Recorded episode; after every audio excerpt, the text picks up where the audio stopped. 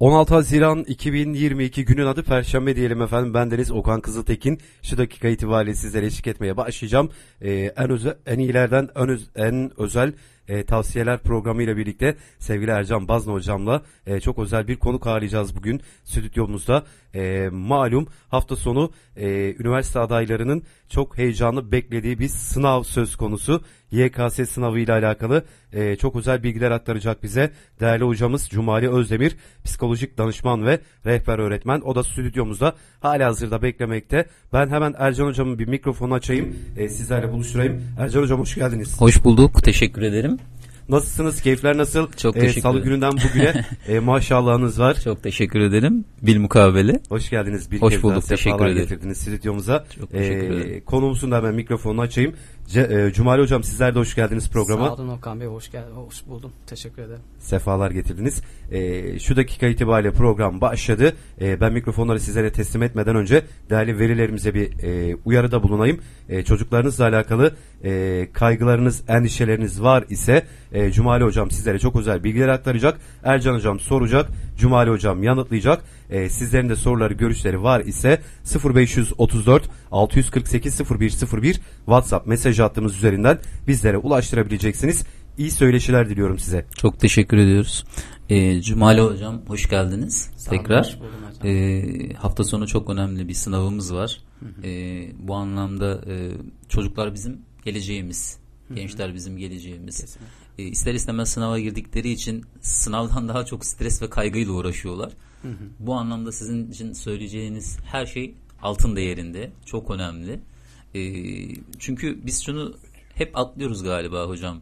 E, sınava hazırlanmak deyince hep bilgi anlamında hazırlanıyoruz. Evet. Halbuki mental hazırlanma kültür, eğitim, bilgi kadar değerli. Kesinlikle katılıyorum.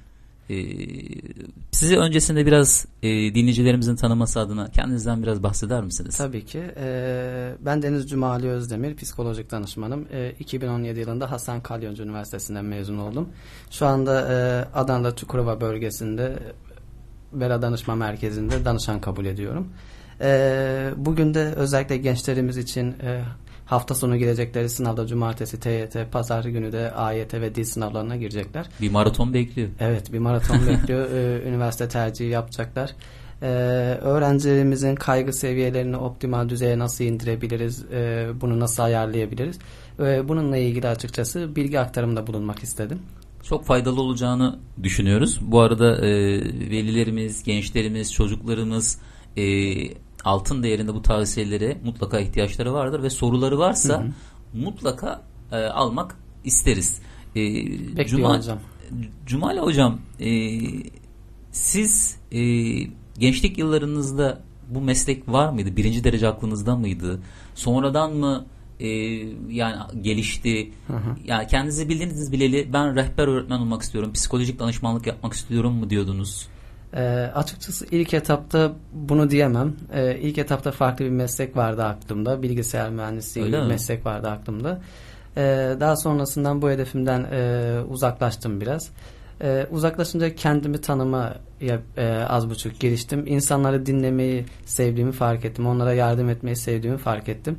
Ee, sonrasında bununla ilintili olan hangi meslek diye bir araştırmaya girince psikolojik danışmanlık gözüme çarptı. Biraz daha araştırınca mesleği sevdim açıkçası. Ee, tercih ettikten, okuduktan sonra, okumaya başladıktan sonra aşık oldum diyebilirim yani Oo, şu anda. süper. Çok önemli. Yani Kesinlikle. işini sevmek sanırım mutlu olmanın en önemli e, unsurlarından biri. E, peki e, hocam mesela psikolojik danışmansınız ya herkes e, sizin statünüzdeki insanları kusursuz sanıyor. Ya mesela siz de sınava girerken kaygı yaşamadınız mı? Sıkıntılar yaşamadınız mı? Kesinlikle yaşadık. Hani biz de e, hani psikolojik danışmanız diye e, şey değiliz açıkçası böyle Kusursuz, e, mükemmel. kusursuz ya her zaman pozitif, her zaman gülen bir yapımız yok açıkçası. Bizim de bir takım duygularımız oluyor. Kaygı da bizim bir duygumuz. E, üzüntü de bizim bir duygumuz. Öfke de bizim bir duygumuz. Önemli olan bunları e, yerinde yaşamak diyebilirim. Yani Nominal anında yaşamak. tutabilmek. Optimal düzeyde Değil mi? özellikle yaşayabilmek yani bu duyguları gerektiği Çok kadar doğru. yaşamak. Çok doğru. Yani e, stressiz yaşayan insan yok hayatta. Kesinlikle. Problemsiz yok. Ama önemli olan onları e, rutin hayatımızda sorun büyük problem yaratacak düzeye getirmemek. Kesinlikle. Stres biraz da bizim hayatımızda e, olmalı aslında. Değil Stres ve kaygı da bizim hayatımızda olmalı. Bunlar bizi e, harekete geçiren etmenler. Zaten konuşuyor olacağız. Mesela çok basit bir örnek vereceğim. Karşıdan karşıya geçtiğinizi düşünün. Eğer stres ve kaygı olmamış olsa sağa sola bakmadan karşıdan karşıya geçersiniz. Çok doğru. Ee, can kaygınız olmasa benim canıma bir şey olur mu olmaz mı kaygısı stresi olmamış olsa karşıdan karşıya geçerken herhangi bir yere bakmazsınız. Direkt olarak geçersiniz. Ya da çok yüksek düzeyde olursa karşıdan karşıya geçmekten vazgeçersiniz. Geçmeyin Doğru. ben olduğum yerde kalimde diyebilirsiniz optimal düzeyde olan kaygı ve stres bize e, sağa sola baktırır bir bak bakalım hani şeyde misin güvende misin değil misin diye sağa sola baktırır ondan sonra emin olduktan sonra güvende olduğumuzu hissettikten sonra karşıdan karşıya geçeriz. Yani bu denli önemli aslında stres Çok ve doğru. kaygı. Çok doğru. Yani e, onu dengede tutabilmek bizim yapmamız gereken onu dengede tutabilmek. Oysa ki dediğiniz gibi stres bizi harekete geçiren bir şey. Kesinlikle. Daha sınava gelecek olduğumuzda bir öğrenci stres yaşamıyorsa zaten çalışmaz. gamsızdır, çalışmamıştır. Hedefi yoktur. değildir, hedef yoktur. Yani şu sınav bitse de gitsem derdindedir. Kesinlikle. Biri de çok çalışmışsa yani çok inanılmaz stres yaşıyorsa bu sefer o da sanırım bildiğini unutacak. Ee, o da çok fazla çalışmaktan da bildiklerini unutabilir. Mesela çalıştığını beğenmeyebilir. Çalışıyorum çalışıyorum ama sanki yetmiyor gibi olmuyor gibi de düşünebilir. Ee, bunları zaten konuşuyoruz. Konuşacağız, Stres, aynen öyle. Şey, e, kaygı seviyesi şey kısımlarında kaygı düzeyi bölümlerinde yani yüksek düzeyde kaygı olursa ne olur düşük düzeyde kaygı olursa ne olur Aynen. ve optimal düzeyde kaygı olursa ne olur bizim yaşantımız nasıl değişir Ee, özellikle sınav çerçevesinde bunları konuşmak daha anlamlı olacak Aynen, diye düşünüyorum. aynen. Peki e, hocam sınav kaygısı. Buradan başlayalım.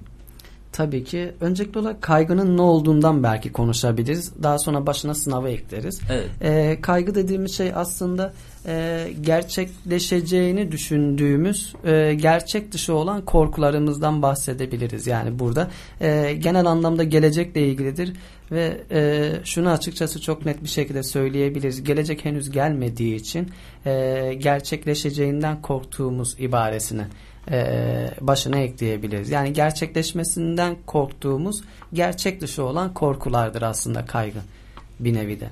Aslında şey derler, e, yaşadığımız korkuların yüzde doksanı hayal ürünüdür. Hı hı. Gerçekleşmeyecektir ama biz onları büyütürüz gözümüzde. Kaygıyla yaşarız. Kaygıyla, kaygıyla yaşarız. E, bunu insan yol aldığı zaman anlıyor. Ama önemli olan anladığında e, bu çok büyük bir acı tecrübeye dönüşmesin. İş işten geçmesin. İşte sanırım burada sizin söyleyecekleriniz çok değerli. Yani birçok öğrenciyi dinliyoruz, görüyoruz. İnanılmaz şu anda kaygılılar. Hı hı. Kaygının nedenlerinden de bahsediyor olacağız. Hani e, niçin benim kaygım yüksek seviyelerde? Bende ne var da yükseliyor? Daha sonrasında ne yaparsak e, optimal düzeye indirebiliriz bunu. Evet. Bunu da Peki, konuşuyor olacağız. Burada aslında e, konuşmaya da başlayalım e, Tabii. hocam. Yani e, kaygının seviyeleri Hı az önce biraz değindik. E, yani o kaygıyı e, sadece sınav anlamında değil de bütün insanlar yaşıyor. Hı hı. İşinde kaygı yaşayan var, geleceğinden kaygı duyan var. E, bunlar anlamında ne söylersiniz? Bu kaygıyı düşürmek için neler yapmalıyız? Yani bahsettiğiniz şey sanırım performans kaygısı olmuş oluyor. Hı hı. Ben bu arada e, tam konulara dalmadan önce dilerseniz hocam e, velilerimize ve öğrencilere e, bir kez daha bize ulaşabilecekleri e, iletişim numarasını hatırlatayım. E, soruları olabilir. 0534 648 0101 WhatsApp mesaj hattımız 0534 648 0101 WhatsApp mesaj hattımız e, sorularınızı, görüşlerinizi hem Ercan hocama hem Cumali hocama ulaştırabileceğiniz platformdur diyeyim. Buyurun devam edelim. Sağ olun, teşekkür ederim. Ee, aslında kaygıya bir anlamda şu pencereden de bakabiliriz. Ee, şu anda radyodayız zaten. Ee, aşina e, olabilirler dinleyenlerimiz. Mesela şarkıda diyor ya e, bana kaderimin bir oyunu bu diye. Evet. Aslında kaygı dediğimiz şey bana zihnimin bir oyunu bu. Yani zihnimiz aslında bizimle bir e, oyun oynuyor gibi bir hal almış oluyor. Yani olmayacak şeyi zihnimiz e, olacakmış gibi senaryolar yazdırıyor bize. Performans kaygısı için de aynısını söyleyebiliriz. Gelecek kaygısı için de keza aynısını söyleyebiliriz. Bir e, asansör fobisi için de aynısını söyleyebiliriz. Mesela asansör fobisi yaşayan bir birey asansöre binmekten korkar çünkü e, kaygılanır. E, asansör düşebilir, asansörün içinde nefessiz kalabilirim, boğulabilirim gibisinden kaygıları olabilir. Yani olmasından korktuğumuz şeyi gerçeklik olarak algılamaktır. Yani bize aslında zihnimizin oynadığı bir oyun diyebilirim yani bu anlamda. E, oyun dememin sebebi de e, kaygıyı biraz daha basitleştirmek istiyorum açıkçası. Yani biraz da mizah becerisini kullanaraktan e, kendi becerimizi arttırıp karşımızdaki problemi alçaltmak istiyorum aslında. Kaygı bir anlamda da bizim e, becerilerimizi küçük görmek, hani insan olarak yapabileceklerimizin boyutunu küçümsemek, kendi becerilerimizi küçümsemek, karşımızdaki problemi devasa bir şeymiş gibi yüceltmektir. İnsanın bir anlamda güçlü, da. güçlü karakterlerin özelliklerinden biri bu. Pozitif Hı-hı. olmak, iyimser olmak olumlu düşünebilme Değil becerisi. mi hocam? Yani herkes bunu yaşıyor ama e, herkesin yaşadığı şeyi e, güçlü karakterli insanlar e, basit hale getirebiliyorlar. Hı hı. Ya o orada da bir takım becerilerden Beceriler. bahsedebiliriz. Mesela benim burada özellikle mizah becerisi üzerine durmak istemiştim. Ee, kendim de çok severim mizahı. Aynı zamanda kendi problemlerle baş etmek için kullandığım bir beceri yöntemidir çok mizah önemli. becerisi. Ee, ya e, yaşamış olduğum problem her neyse onun mizahla özellikle hani şu anda şey aklıma gelmiyor söz aklıma gelmiyor ama izah olmayan şey mizah olur tarzında bir şeydi. Ee, burada mesela kendim yaşamış olduğum bir anıyı anlatmak istiyorum. Lütfen hocam. Ee, becerilerimizi küçümsemek, karşımızdaki şeyi devasa görmekle ilgili özellikle sınav kaygısıyla ilgili bunu anlatacağım. Ben mesela dershaneye gittiğim yıllarda e, açıkçası e, matematik yapamazdım. Yani matematikten olabildiğince e, uzak durmaya çalıştım. Ya hani Kaderdaşız hocam. Sıkıntı yok. Ben de öyleydim. ben de öyleydim. Lanet okurdum falan diyebilirdim. Yani o derece bir şeydi. Daha sonrasında bir matematik öğretmenimiz e, ders anlattığı esnada sınıfın yapamadığını fark etti. Ya ben ne yapıyorum dedi. Size ne anlatıyorum? Bir dakika durun dedi. Bugün matematik anlatmayacağım. Konuşacağız bugün diye. Hoca e, 40 dakika boyunca konuştu. Hiçbir aklımda değil tek bir cümlesi sadece aklımda kaldı. E, ve açıkçası sadece matematiğe değil hayata bakış açımı da değiştirdi diyebilirim bu cümle. Şunu söylemişti. Matematiğin canı cehenneme demişti. O esnada bir durdum düşündüm. Ya bu hoca ne diyor ya? Matematik cehenneme gönderiyor bu hoca. Sen kimsin ki falan diye böyle kendi içimden düşündüm. Matematik gibi devasa bir şey sen nasıl cehenneme gönderiyorsun? diye bir düşündüm. Daha sonrasında e, farklı bir düşünce daha aklıma geldi. O da şuydu. E, ya bu hoca matematik cehenneme gönderiyorsa demek ki matematik Çok pardon. Matematik o kadar da devasa bir şey olmaya da bilir belki. Aynen. Ee, cehenneme de gönderilebiliyormuş ya bu diye bir düşündüm. Sonrasında matematiğe perspektifim değişti. Bakış açım değiştikten sonra benim matematik Türkçemden daha iyi oldu. Kesinlikle öyle. Ee, yani meğerse bende olan beceriyi ben kendim küçümsüyormuşum. Küçültüyormuşum. Matematiği abartıyormuşum, büyütüyormuşum. Bunu fark ettim. Ee, bu da aslında kaygının bir diğer nedeni. Kaygı olduğunda biz büyütürüz ve ondan kaçarız. Onunla yüzleşmek istemeyiz. Matematik mi? Tamam. Hani 5 dakika baktım baktım ya da hiç bakmayayım daha iyi. Alır yapabildiğimiz Aslında yargılı davranıyoruz. Ben bunu yapamam. Bu kötü. Ben Hı-hı. ben bunu beceremem. Halbuki yeteneğiniz var. Evet. O yeteneği ortaya çıkartacak düşünce tarzı olmadığı için e, o çıkmıyor. Meydana çıkmıyor. Hı hı. İşte bakış açısı galiba o yeteneğin ortaya çıkmasını sağlıyor. Kesinlikle öyle. Biz buna düşünce hataları diyoruz aslında. Düşünce hataları biçiminde e, büyütme, küçültmeyi genelde kullanabiliyoruz. E, Başka neler var hocam düşünce hataları? Öğrencilerimizin yaptığı en büyük düşünce hataları neler mesela? Tabii değinelim onlara da. Özellikle olarak öğrencilerimizin daha çok yaptığı düşünce hataları ya olursa düşünce hatası. Yani gelecek hakkında ya olursa diye başlar üç noktayı koyarız e, artık felaketleştirme senaryoları oluştururuz. Ya ben başarısız olursam ya şu şekilde olursa ya yapamazsam ya beklediğim puan gelmezse ya istediğim üniversiteye kazanmazsam artık daha devamı geliyor. İşte ailem beni reddedecek. İşte ben aptalın teki olmuş olacağım. El alem işte komşular benimle dalga geçecek. Arkadaşlarım e, kimsenin dalga yüzüne geçecek. bakamayacağım. Ayşe gibi. Fatma yapacak ben başarılı olamayacağım. Tabii tabii ya olursadan sonra artık koyduğumuz üç şey nokta e, bunlar genelde kaygıyı tetikleyen düşünce hatalarıdır. E, bir diğer nokta da aşırı genelleme. E, bazen ben bakıyorum öğrencilerimden mesela çok başarılı olan öğrencilerim var. E, ya öğrencim netleri çok güzel, istediği düzeyde geliyor. Bir tane denemeden beklemediği bir net almış oluyor. Bu sefer alıyor aşırı genelleme düşünce hatası yaparak orada almış olduğu neti e, bütün bir yıla yayabiliyor, genelleyebiliyor, kendisine genelleyebiliyor. Ben buyum ya, ben bu kadar kötü biriyim işte. E, örnek veriyorum e, normalde 85-90 netleri yapan öğrenci 60 net yaptığı zaman bu 60 neti tek bir tane denemenin sonucunu bütün bir yıla genelleyebiliyor. Ama bütün bir yıla baktığımızda her zaman 70'in üstü, 80'in üstü, 90 civarında netler yapan birinden bahsediyorum. Bu da bir düşünce hatası. Tek bir tane denemenin sonucuna bakaraktan kendi başarımızı, kendi performansımızı genelleyebiliyoruz.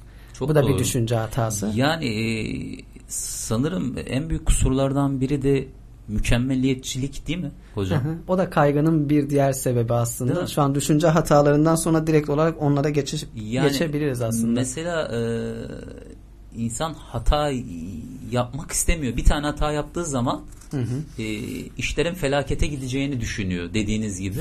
Felaketleştirme senaryoları direkt böyle zihinde canlanıyor. Değil evet. mi? Yani mükemmeliyetçiliğe de giriyor. Bir tane hata yaptığı zaman hedef bitti benim için diyor. E, halbuki e, mesela çok dünyadaki ünlü insanlara baktığımız zaman e, pozitif ve güçlü karakterin özelliğini gösteriyorlar. Yani olaya pozitif hani şu anda da su içiyoruz. Bardağın dolu tarafına bakmak lazım. Yani bu çok önemli. Mesela e, Edison 10 bin tane deney yapıyor yanlış. Felaket bize kalırsa. Ama adam diyor ki doğruya gitmem için diyor yapmamam gereken 10 bin tane hatayı öğrendim diyor. Bardağın dolu tarafına bakıyor. Yani öğrencilerimiz de bir sıkıntı bir problem yaşadığı zaman e, dediğiniz gibi onu biraz galiba basitleştirmesi lazım. Dalga aslında- geçmesi lazım. Kendine güveni kaybetmemesi lazım. Aslında şunu yapabiliriz yani bardağın dolu tarafını gördüğümüz kadar boş tarafına hani genelde boş tarafına odaklanıyoruz ya biz. Evet. Ee, dediğiniz gibi dolu tarafının da var olduğunu hatırlayıp bardağın geneline bakmamız gerekiyor bizim. Ee, evet Edison hani 10 bin tane e, deney yapıyor ve başarısız oluyor. Eğer bunların hepsini görmezden geliyor olsaydı 10 bin bir olurdu. 10 bin Çok iki doğru. olurdu. Ee, bu yapmış olduğu hataları da göz önünde bulunduruyor Edison. Aslında bardağın boş tarafına da bakıp bardağın temeline bakıyor. Tamamına bakaraktan durumu değerlendirmiş oluyor. Ama genel anlamda dediğiniz gibi mesela mükemmelliyetçi yapıya sahip olan e, şey bireylerde, öğrencilerde e, biraz da yetersizlik duygusu da e, onu tetiklemiş Buna oluyor. değinebilir miyiz hocam? Yani Tabii öğrencilerimizin e, gördüğümüz kadarıyla bir mükemmelliyetçi olma yapıları hata yapma e, streslerini inanılmaz arttırıyor. İkincisi ben yetersizim. Hı hı. Çevreyle mi kıyaslıyorlar, kendilerini kimle neyle kıyaslıyorlar bilmiyorum ama o yetersizlik duygusu e, özgüven kaybetmeye neden oluyor galiba. Burada topu biraz ailelere atabiliriz Öyle mi? aslında. Evet. E, mükemmelliyetçilik ve yetersizlik duygusuna baktığımızda genel anlamda niçin kaynaklanıyor, nereden geliyor diye e, araştırma yaptığımızda genel anlamda bir e, ebeveynden biri e, anne ya da babadan biri mükemmelliyetçi bir yapıya sahip olabiliyor. Özellikle başarı odaklı olabiliyor. E, öğrenci 98 almışsa neden 100 almamış ki yani? diyebiliyor. Yani bildiğiniz sonuç odaklı olabiliyor. E, süreç odaklı olmaktan ziyade yaptığı e, çabalardan ziyade çabayı görmeksizin sadece ben senin sonucuna bakarım. Ne yaptığınla hiçbir şekilde ilgilenmiyorum. Sonuç olarak yüz almadın. O zaman sen başarısızın tekisin diye e, bir şey olsa yaftalama olursa etiket yapıştırma olursa o öğrenci de ister istemez bir mükemmelliyetçilik ve yetersizlik duygusu gelişebiliyor. E, konuştuğum öğrencilerde hani mükemmelliyetçilik e, olarak sezinlediğim bazı öğrenciler oluyor. Daha sonrasında şey, e, görüşmeler yapıyoruz. E, ipin ucu sürekli olarak bir aileye değiniyor yani. Hmm. Hocam e, annem bana şunları söyleyecek diyor. Aslında kendisinde var olduğundan dolayı değil. Anneden ona aktarıldığı için. Kaygı da aslında biraz da böyle oluyor. E, ebeveynler kendinde var olan kaygıları çocuklarına aktarabiliyorlar bu şekilde. Özellikle sınav kaygısında yani biz niye sınav kaygısını konuşuyoruz şu anda? E, iki gün sonra sınav olmuş olacak. Ondan dolayı ama genel anlamda kaygıyı konuşuyor olsaydık yine aynı şeyi söyleyebilirdik. Ebeveynler kendinde var olan kaygıları mesela köpek fobisi oluşan bir çocuğa baktığımızda e, muhtemelen küçükken çocukken e, o köpek seni ısırıra gitme yanına diye Hmm. şeklinde bir ifade olabiliyor. Ya aslında çocuk korkmayacak yani köpeğe Korkmayacak. karşı bir kaygısı olmayacak. Etrafındakilerden öğrendiği şey oluyor. Kaygı yükleniyor çocuğa. Bak ısırabilir ha sana saldırabilir ha şeklinde olduğu için e, ebeveyn kendi kaygısını aslında kendi korkusunu çocuğa yüklemiş oluyor. Sınav kaygısı için Çok de hemen hemen aynı şeyden bahsedebiliriz. Birçok şeyi zaten korku yüklüyoruz biz kendimize. Sürekli aileler olsun kendimiz olsun sürekli korkuyla besleniyoruz maalesef. Peki e, bu- burada ailelerin düşünce tarzı ne olması lazım? Çok Çok özür diliyorum. Ercan Hocam. Bu arada Cumali Hocama sorular da geliyor. 0534 648 0101 WhatsApp mesaj hattımız. 3 mesaj var. Ee, Dilek Hanım'a selamlarımızı iletelim. Sonrasında e, Emine Hanım'a e, bir de dinleyicimiz ismini yazmamış. Çocuklarımızdan çok biz heyecan yaşıyoruz sınav günleri demişler. Evet. Bununla alakalı ne önerirsiniz hocam? Ee, ora- oralara da gelelim aslında. Benim düşüncem şey de öncelikle bir e, öğrencilerde var olan sınav kaygısı üzerine biraz daha yoğun, Tamam. yoğunlaştıktan sonra doğaçlama, doğaçlama da gidebiliriz hocam. Hiç fark O- etmez. Tekrar döneriz Hı oraya. Sıkıntı Tamam. yok. Program bizim. En azından hani e, ailelerinde kafasındaki e, sorunlar giderilmiş olsun. tekrardan alabilir miyim peki soruyu? Çocuklarından çok kendileri heyecanlanıyormuş. Hı hı. O heyecan da ister istemez öğrencilere de e, farkında olmadan e, kendi çocuklarını etkiliyorlar. Aşırı Evet. stres yüklemiyorlar mı hocam bu heyecanla? Ee, az önce bahsettiğimiz şey olmuş oluyor aslında yine. Yani ebeveyn kendindeki kaygıyı, kendindeki o duyguyu çocuğa aktarmış oluyor aslında. Bu olmuş oluyor. Ee, ebeveyn ne yapabilir bu durumlarda? Öncelikli olarak kendi duygularının ve düşüncelerinin farkına varması gerekiyor.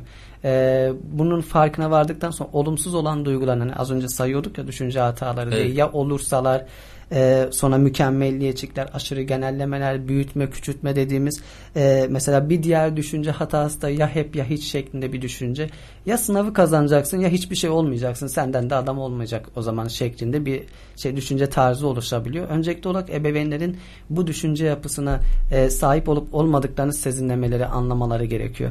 Bendeki var olan bu olumsuz düşünceler nelermiş diye. Daha sonra ben bunları e, çocuğuma aktarmamak adına neler yapabilirim diye bir e, çabaya girişmeleri gerekiyor aslında. Şöylelik e, öncelikle bunu yapabiliriz. E, çocuğumuz bütün bir sene boyunca hazırlandı. Çocuklar bütün bir sene boyunca zaten stresini, kaygının e, en yüksek düzeyini yaşamış orada. Arkadaş grubuna giriyorlar, orada yaşıyorlar. Sınıfta hocaları bir şeyler anlatıyor, orada yaşıyorlar. E, eve geliyor bir de ebeveyn ona stres, kaygı yükleyince ister istemez e, çocuk artık yapamayacağına dair olan düşünceleri biraz daha e, pekişmiş olabiliyor. Yani kaygı düzeyi biraz daha artmış olabiliyor. Ebeveynlerin özellikle bu süreçte çocuğunu anlamaya yönelik e, dinlemeler, özellikle ben dili şeklinde konuşmaları, e, çocuğuna sen şeklinde değil de yani sen eğer yapamazsan böyle olur falan değil de daha çok işte e, kendi duygularını açığa çıkartmaları, kendi var olan duyguyu özellikle kaygıysa bunu kabul edip e, ya bende biraz kaygı var aslında. Ee, ben biraz kaygılanıyorum. Bunu da sana yüklemek istemiyorum şeklinde konuşmalar yapabilirler çocuklarıyla. Daha sonrasında e, dediğim gibi karşılarına alıp bu e, özellikle duygu odaklı konuşmalar yapılabilir. Düşünce hatalarının farkına vardıktan sonra.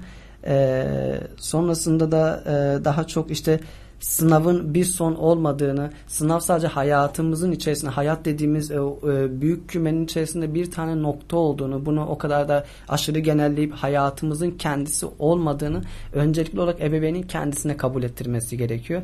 Kendine kabul ettikte, ettirdikten sonra zaten çocuğuyla ona uygun bir şekilde konuşmuş olacaktır. Çok doğru. Yani hayatta mutluluğa, huzura, başarıya götüren 100 tane kapı var. Biz sadece bir kapıya odaklanıyoruz. O kapı kapandığında hayat bitmiş oluyor sanki. Hem aile için hem çocuk için. Büyük bir depresyon başlıyor. Halbuki dediğiniz gibi hayatta mutlu olacak, başarıya götürecek daha nice kapılar var. Hatta şöyle geçen bir yerde okumuştum, denk gelmişti hocam. Ee, yani bugün e, üniversite mezunlarını çalıştıran ilkokul mezunları var. Ya adam üniversiteyi okuyamamış ama mühendisleri çalıştırıyor yüzlerce. Kendi işletmesinde. Yani illa orayı okuyacağım, illa o gelecek, illa bu olacak diye bir şey yok. Hayatta sizi bizi başarıya götürecek başka alanlar da var. Çok şartlandırıyoruz. Ee, bir kez de rahmetli annem sınava gireceğim. Teşekkür ederim. Ee, çok stresliydim ben de. Ondan sonra oğlum dedi hayrola? Ya dedim anne çok stresliyim filan sınava gireceğim. Dedi bir ölüme çare yok. Bir ölüme çare yok. Kazanma ne olacak dedi. Sen elinden geleni yaptın mı sen buna bak dedi. Sınavına gir keyifle git gel. Ee, en sevdiğin şey ne dedi. Biliyor tabii ki. Patates kızartması filan. Sen sınavından çık gel dedi. Ben onu yaparım. Üstüne dedi bir de kahvemizi içeriz dedi. Başarılı ol, olma dedi. Hiç önemli değil. Hocam inanır mısın? Keyifle gittim. Keyifle gittim o sınava. Bir anda stres bitti. Ölüme çare yok dedi ya. Olma seneye kazanırsın dedi. Hı hı. Yani gerçekten ailelerin rolü çok büyük değil mi hocam burada? Kesinlikle hani az önce bahsettiğim gibi işte aile genelde e, kaygı yüklemiş oluyor. Aile genelde mükemmeliyetçilik duygusunu yükleyebiliyor çocuklara, yetersizlik duygusunu aktarabiliyor çocuklara. Bunun da en temelde rolü e, sizin de az önce bahsettiğiniz gibi hani sen elinden geleni yaptın zaten, çabaladın. Yani çabaya vurgu yapmıyoruz biz. Biz biraz daha e, aslında sonuç odaklı oluyoruz. Mesela benim yanıma bazen e, ebeveynler geliyor. Ya hocam diyor 3 tane soru kaçırmış ya. 3 tane nasıl kaçırır? ee, bunu yaptığınız sürece diyorum çocuğunuz başarısız olmaya devam edebilir. 3 tane soru kaçırmaya devam edebilir. Onun e, çalışma stilini çalıştığı saatlerde mesela yanına gidip takdir ediyor musunuz? Hayır hocam diyor 3 tane net zaten eksik yapmış daha ben ne yapacağım ki diyor. Hani önemli olan şey burada e, çalışma sürecine o e, bütün bir seneyi vurgulamak aslında. vurgulamak. Kesinlikle. Çok doğru. Orayı vurgu yapmamız gerekiyor. E, eğer orayı vurgu yapmazsak ne olur? Çocuk başarısız olduğunda artık kendini bir hiç olarak görebilir. Ben zaten e, başarısızsam bir hiç olmuş oluyorum ama eğer e, tam tersi olsa çabaya vurgu yaparsak başarısız olsa bile ben en azından böyle böyle çabalaya da bilen biriymişim zaten diyebiliyor ve buradaki almış olduğu motivasyonla buradaki almış olduğu gücü başka bir alana aktarabilir. Bu şekilde. Çok doğru. Yani e, bu bu anlamda bunlar çok değerli e, tavsiyeler hocam. E, çocuğu germemek lazım. Aşırı strese sokmamak lazım. Önemli olan onun elinden geleni yapması. Kabul edici bir tutum sergilemek gerekiyor. Ee, ve özellikle çabasına vurgu yapmak gerekiyor. Hani ebeveyn olarak belki şöyle bir cümle kurabiliriz. Belki daha da değiştirebiliriz cümlemizi ama önemli olan şey çabaya vurgu yapmak. Ee, bütün bir sene boyunca elinden geleni yaptın, çalıştın, çabaladın. Kah yerine göre netlerin düştü, kah yerine göre yükseldi, mutlu oldun, üzüldün. Bu tarz anılar oldu. Sadece sınava girmiş çıkmış olacaksın. Biz yine hayatımıza kalmış olduğumuz yerden devam etmiş olacağız Süper. şeklinde bir tutumla. Süper. Olabilir bu. Yani e, bu- burada e, en çok bana gelen e, istişare ettiğimiz şeylerden biri e, çocukların yetersizlik duygusunu yenmesi için neler yapmaları lazım? Çocukların kendi yetersizliğini görmeleri için Kıyaslama mı yapıyorlar çevreyle? Maalesef e, yetersizlikte genel anlamda iki türlü kıyaslama vardır. Birincisi kendimizle bir şeye gireriz, kıyaslamaya gireriz. İkincisi çevreyle kıyaslamaya gireriz. E, yetersizlik duygusunda bu ikisini aynı anda yapmayız. Tek bir tane şeye odaklanırız. Sürekli olarak çevremizle kendimizi kıyaslarız ve çevremizde de sürekli olarak e, bizden daha üst düzeyde görmüş olduğumuz kişilerle kendimizi kıyaslarız. Ya baksana onlar böyle yapıyor zaten o zaman ben başarısız tekiyim zaten. Ben o zaman aptalın teki olmuş olacağım. Ben zaten yapamayacağım şeklinde e, bir takım düşünceler, bir takım e, inançları biz zihnimize yerleştiriyoruz. Ya da bir diğer e, şeyi sadece kendimize odaklanıyoruz yetersizlik duygusunda. E, o zaman da şu oluyor yaptığımız hiçbir şeyi beğenmiyoruz. Ya bunu yaptım ama daha iyisi olabilirdi. Bu olmaz. Bu yetersiz gelecek. Ben bu buradaki netlerimle hiçbir yere zaten kazanamayacağım şeklinde e, olumsuz yüklemeler yaparak bu da bizim davranışlarımızı etkiliyor olacak zaten. Yani düşünceler bizim duygularımız ve davranışlarımızı bu denli etkilemiş oluyor. Aklımıza gelen bu olumsuz değerlendirmeler. Çok doğru. Çok Olması gereken ne? Bir de bundan bahsederim. Olması gereken de iki, ikisini aynı anda yapıyor olmak. Hani hem kendimizi değerlendirmek hem de etrafımızdaki insanları değerlendirmek ve bunu yaparken olabildiğince objektif olabilmek. Objektif bir bakış açısıyla değerlendirme yapmak gerekiyor.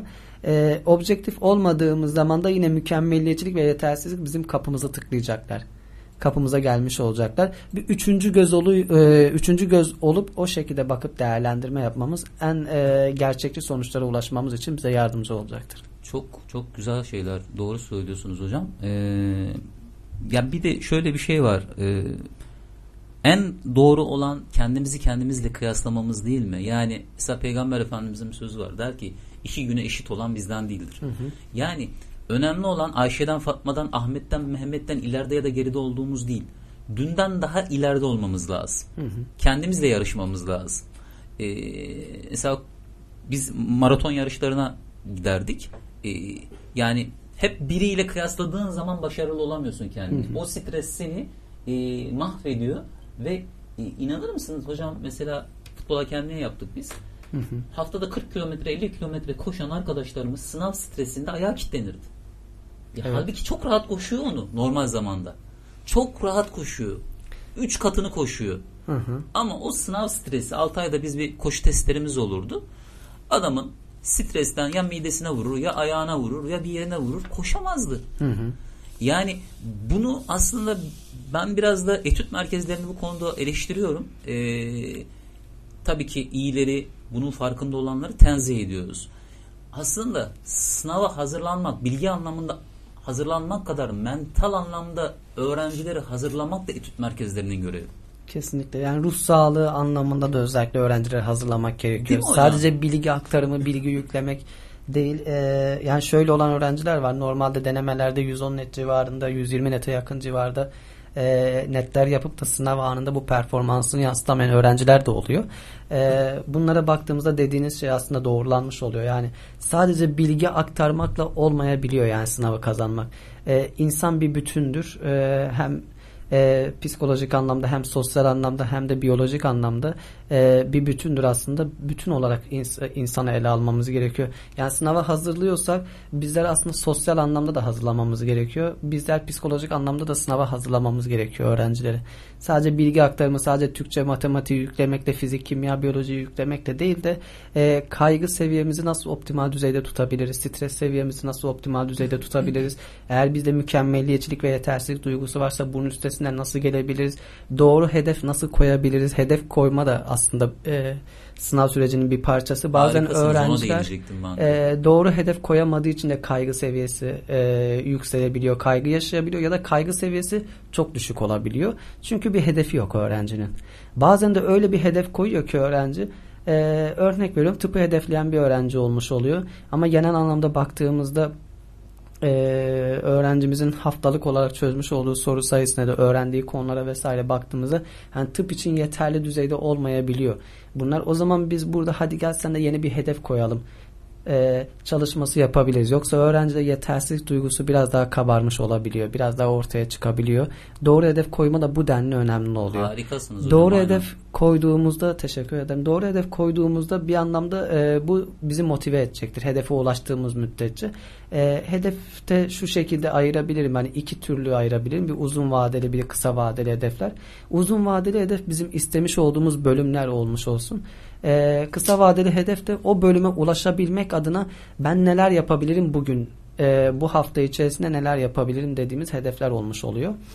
Ee, eğer bunları doğru bir şekilde başarırsak zaten kısa vadeli hedeflerde de e, uygun hedefleri koyarsak ve bunları gerçekleştirirsek haftanın sonunda hatta kendimize e, ödül bile verebiliriz. Bu da bizim motivasyon kaynağımız olmuş olacak zaten. Doğru. Ee, bir ortaokulda öğretmen öğrencilere sınav yapıyor. Herkes hayalini yazsın diyor kağıda. Hı hı. Öğrencinin biri ben at yarışı çiftliği kuracağım diyor. Evet. Ondan sonra öğretmen e, alıyor kağıdı e, 40 puan veriyor. Biraz diyor hayalcisin sen diyor. Gerçekçi ol diyor. Hı hı. Sen bir seyisin çocuğusun diyor. Yani bunu yapamazsın. Krokiler çizmişsin şey yapmışsın filan diyor. Al bu kağıdı sana veriyorum. Hafta sonu git ailenle istişare et. Pazartesi bana geri getir diyor. Notunu da yükseltirim senin diyor. Değiştirirsen hayalini diyor. Babasına gidiyor. Baba diyor hocam böyle böyle söyledi öğretmenim filan diyor. Ne diyorsun notumu artırmak için değiştireyim hayalimi diyor. Oğlum sen bilirsin bu hayat senin diyor. Değiştirmek istiyor musun istemiyor musun? Bu senin bileceğin bir şey diyor. Tamam babacığım diyor. Pazartesi kağıdı öğretmenine getiriyor. Kağıda da bir not yazıyor. Öğretmenim notunuz sizde kalsın hayalim bende kalsın. Hı hı. Ve gerçekten bu yaşanmış bir hikaye. Ee, filmin sonunda ne oluyor? O seyisin çocuğu ülkenin en büyük at yarışı çiftliğini kuruyor. Evet. Yani bir çocuğu doğru hedef kurmak, ayağının yere sağlam basması, ne istediğini bilmesi e, çok önemli değil mi hocam? Öğretmenlerin de bu anlamda rolü de çok önemli. E, dediğiniz gibi şimdi Okan ben sana desem Buyurun ki hocam. ben sana desem ki futbol maçı var, halı saha maçı. Hadi hocam gidelim. hadi gidelim dersin yani. yani şimdi ya Okan ya bir işte e, bir handbol maçı varmış. Ya hocam akşam Biraz misafir var gelecek. yani. Biraz işim var. İşim var falan derim. filan zora sokar insan kendini. Yani hani bazen öğrencilerimiz diyor ya ya ben 5 saat uğraşıyorum anlamıyorum. Galiba burada bir e, doğru hedefi koymadığı için aşık olacağı, seveceği işi kendine koymadığı için zorlanıyor ve aşırı negatifliklerle de kendini doldurduğu için e, sıkıntılar başlıyor. Değil mi Kes- hocam? Doğru hedef o anlamda çok çok önemli galiba. Kesinlikle katılıyorum. Bu Ve hikayede öğretmenlerin rolü hocam. Bu hikayede mesela bir noktaya daha odaklanmak istiyorum anlatmış olduğunuz hikayede. Ee, çocuk hani öğretmenine veriyor 40 puanı alıyor tekrar geri eve dönüyor ya. Aslında burada ebeveynin vermiş olduğu cevap daha kıymetli öğretmenin Çok vermiş doğru. olduğu şeyden. Bizim biraz da oraya odaklanmamız gerekiyor aslında. Yoksa ebeveyn olarak e, bazı sorumlulukları kendi üzerimize almayıp bu hikayede sadece öğretmene ve çocuğa odaklanabiliriz. E, biraz da aslında ebeveynin yapmış olduğu tutuma sergilemiş olduğu tutuma odaklanmamız gerekiyor. Hani baba diyor ya e, sen istiyor musun sen kendi e, hedeflerine odaklan o zaman hani hoca 40 puan vermiş ya da vermemiş o bir kenarda kalmış olsun. E, bu hayat senin gelecek senin olmuş olacak şeklinde bir tutum sergiliyor. Bizim aslında ebeveyn olarak da bu noktaya biraz odaklanmamız gerekiyor. Eğer bu tutum içerisinde olursak çocuk e, çocuğa giden mesaj şu olmuş olacak. Ya annem babam beni böyle de kabul ediyor zaten. Bu gelecek şekliyle de kabul ediyor olmuş olacak ve e, anne babasının ya da kaygılarını düşünmekten ziyade tamamen e, hedeflerine fokuslanmış olacak. Eğer babası daha farklı bir şekilde tepki vermiş olsaydı bu sefer babasının kaygılarına ya da babasının öfkesine ya da babasının başka e, duygularına fokuslanmış olacaktı ve hedeften de uzaklaşabilirdi yani. Yani anlamda. kendi istediği hayatı yaşamayla başkalarının istediği hayatı yaşamanın dönüm noktasındaydı orada. Hı hı. Ebeveyn kendi hayatını seçti. Ebeveynin vermiş olduğu cevap çok harikaydı yani Değil burada. mi? Kendi hayatını seçti. kendini birey olarak kabul ettiğini ifade etti aslında doğru. ebeveyn ona. Sen de bir farklı bir bireysin. Benim geleceğimi ya da öğretmenin geleceğini, benim hayalim ya da öğretmenin hayalini yaşamayacaksın sen. burada toplumsal bir sıkıntı yok mu hocam? Kesinlikle var. Yani çocuğumuza iş seçerken çocuğumuzun istediği değil bizim istediğimiz iş olacak. Maalesef. Çocuğumuza eş seçerken e, benim istediğim kız olacak. Benim istediğim erkek olacak. E, yani Neşet burada Ertaş'ta Muharrem Ertaş'ın yaşamış olduğu şey. yani e, kendi istediğimiz hayatı sen benim ürünümsün. Benim ürünümsen benim istediğim hayatı yaşayacaksın diyoruz çocuğa. Aslında e, şunu yapıyor ebeveynler. Çocuğun mezar taşına da kendi isimlerini yazdırıyorlar da farkında Çok değiller doğru diyebilirim hocam. Aslında. Muhteşem bir laf söylediniz. Çok doğru. Yani bundan biraz bizim kopmamız gerekiyor. 0534 648 0101 WhatsApp mesaj hattımıza gelen e, soruları Cumali hocama e, aktaralım. Cevaplandırırsa e, mutlu oluruz. E, değerli veliler e, ısrarla yazıyorlar. Besinle alakalı birçok soru var. Çocukları e, ders çalışırken yemek yemeyi unutan, e, unuttuğunu dile getiren velilerimiz var. Pınar Hanım selamlarımızı iletmiş olalım. Hocam birazdan e, değinir sanıyorum. E, Hüseyin Altundal'a selamlarımızı iletelim. E, Ercan hocama selamlarımı iletiyorum demiş Selamlar sevgili bizden. Hüseyin. E, hocam bir öğrencide e, bir öğrenciyi de çok rahat e, bırakmamak gerekiyor. E, öğrenciyi rahat bırakmak öğrenciyi bozmaz mı? Mesela ben ikinci yarının başında e, çocuğuma dedim ki en azından bir teşekkür getirmezsen seni okuldan alırım. E, çocuğum bu sene takdir aldı. Bence biraz baskı olmalı eğitimde demiş aile tarafından. E, sonrasında bakayım şöyle devam edelim. E, Evin Hanım'a selamlarımızı iletmiş olalım. E, çok güzel bilgiler teşekkür ediyoruz demişler. E, selamlarımı iletiyorum. E, kıymetli hocalarımız yine 10 numara bir program. E, konuğunuz süper konuşuyor. Ercan hocama selamlar demiş Ayla Hanım. Selamlar. E, Ayla da bizim sürekli dinleyicilerimizdendir. Keyifli dinlemeler dileyelim. E, öncesinde anne babanın bir e, öğrenciye baskısı olmalı mı olmamalı mı? E, okuldan alırım vesaire gibi. Bunun cevabını Cumali hocamdan almak isterim. Sonrasında beslenme ile alakalı. Hı hı, Tabii ki hocam. Ee, ya rahat bırakmak ya da çok sıkmak yani burada çok basit bir e, şeyden bahsetmek istiyorum metafordan bahsetmek istiyorum. Bir kuşu elinizde tutmak için ne yaparsınız gibisinden bir soru sorayım size. Ee, eğer elinizi avucunuzu tamamen e, açarsanız kuş muhtemelen uçup gidecektir yani. Eğer avucunuzu biraz daha sıkıyor olsanız e, kuş muhtemelen e, nefessiz kalıp ölebilir yani orada e, rahat bırakmak ya da tamamen sıkmak değil de bunun düzeyini, bunun seviyesini kendi ebeveynlik tutumlarımıza ve e, çocuğumuzun karakteristik özelliklerine, mizacına da bakaraktan ayarlayabilmek gerekiyor. Burada belki de e, bireysel anlamda gidip e, e, eğitimler alabiliriz, psiko eğitimler alabiliriz. Bu bağlamda psikolojik danışmanlardan, psikologlardan ya da psikiyatristlerden bu alanın uzmanlarından gidip destek alabiliriz bu noktalarda. E, ama daha çok yapılması gereken şeylere odaklanacak olsak şu günlerde e, biz neler yapabiliriz rahat bırakmaktan ziyade böyle tehdit e, vari söylemler de açıkçası tavsiye ettiğimiz bir şey değil, tutum değil bizim. Ee, işte teşekkür almazsan okuldan seni aldırırım şeklinde bir tutum içerisine girişirsek çocuğumuzun zihnine bir tane tohum atmış oluyoruz biz.